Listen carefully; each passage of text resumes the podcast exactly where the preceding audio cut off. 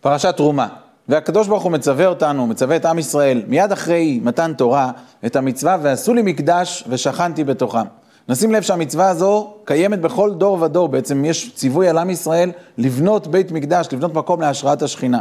מאז שירושלים עיר הקודש התקדשה, כותב הרמב"ם, אין לנו אפשרות לבנות בית המקדש במקום אחר, אבל אנחנו צריכים, דבר אחד אנחנו כן יכולים לעשות, לבקש מהקדוש ברוך הוא, ריבונו של עולם, תחזיר לנו את בית המקדש, זה מה שאנחנו רוצים. כותבת לנו התורה הקדושה, ושכנתי בתוכם, כותבים הראשונים, כותב בעל הטורים, כותב רבינו בחיי, ושכנתי מרמז לשני בתי מקדשות. בית המקדש הראשון, ושכן ת"י, כידוע בית המקדש הראשון עמד 410 שנה, מרמז לבית המקדש הראשון.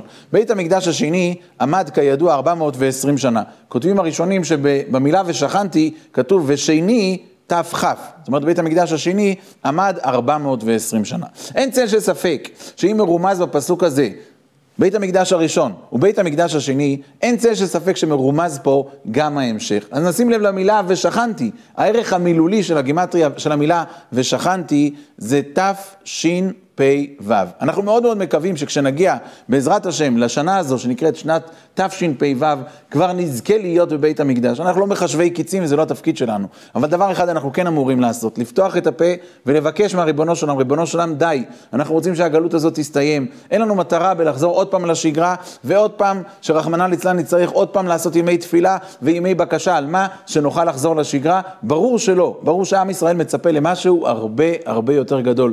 מצפה לחזור לבית בית המקדש למלכות השם יתברך בעולם. כותבת לנו התורה את הרשימה של הדברים שתרמו בבניין המקדש, זהב, הכסף ונחושת, ובסוף מגיע עצי שיטים. ולכאורה זה פלא פלאות, כיוון שבדרך כלל אנחנו יודעים שהתורה הולכת במהלך של כל המוסיף, הולכים במהלך של מהקל אל הכבד. אז הסדר לכאורה היה צריך להיות עצי שיטים, ורק בסוף להגיע לזהב ולכסף. חשבתי פעם, זהב וכסף זה דבר מאוד מאוד חשוב, אבל זה לא מצדיק הרבה עבודה.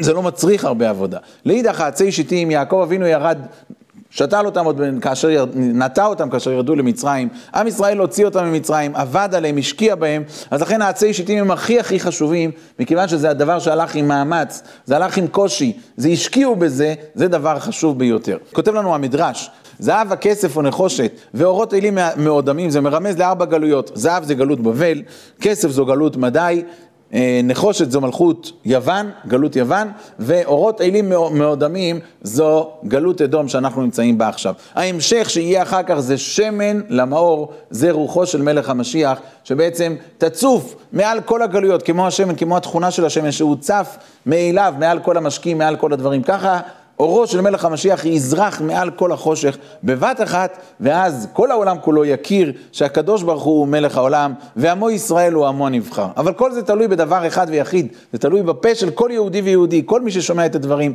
לפתוח את הפה ולהגיד, ריבונו של עולם, אנחנו רוצים לחזור אליך, אנחנו רוצים מלכות שמיים, מלכות בית דוד ובניין בית המקדש. שבת שלום ובשורות טובות.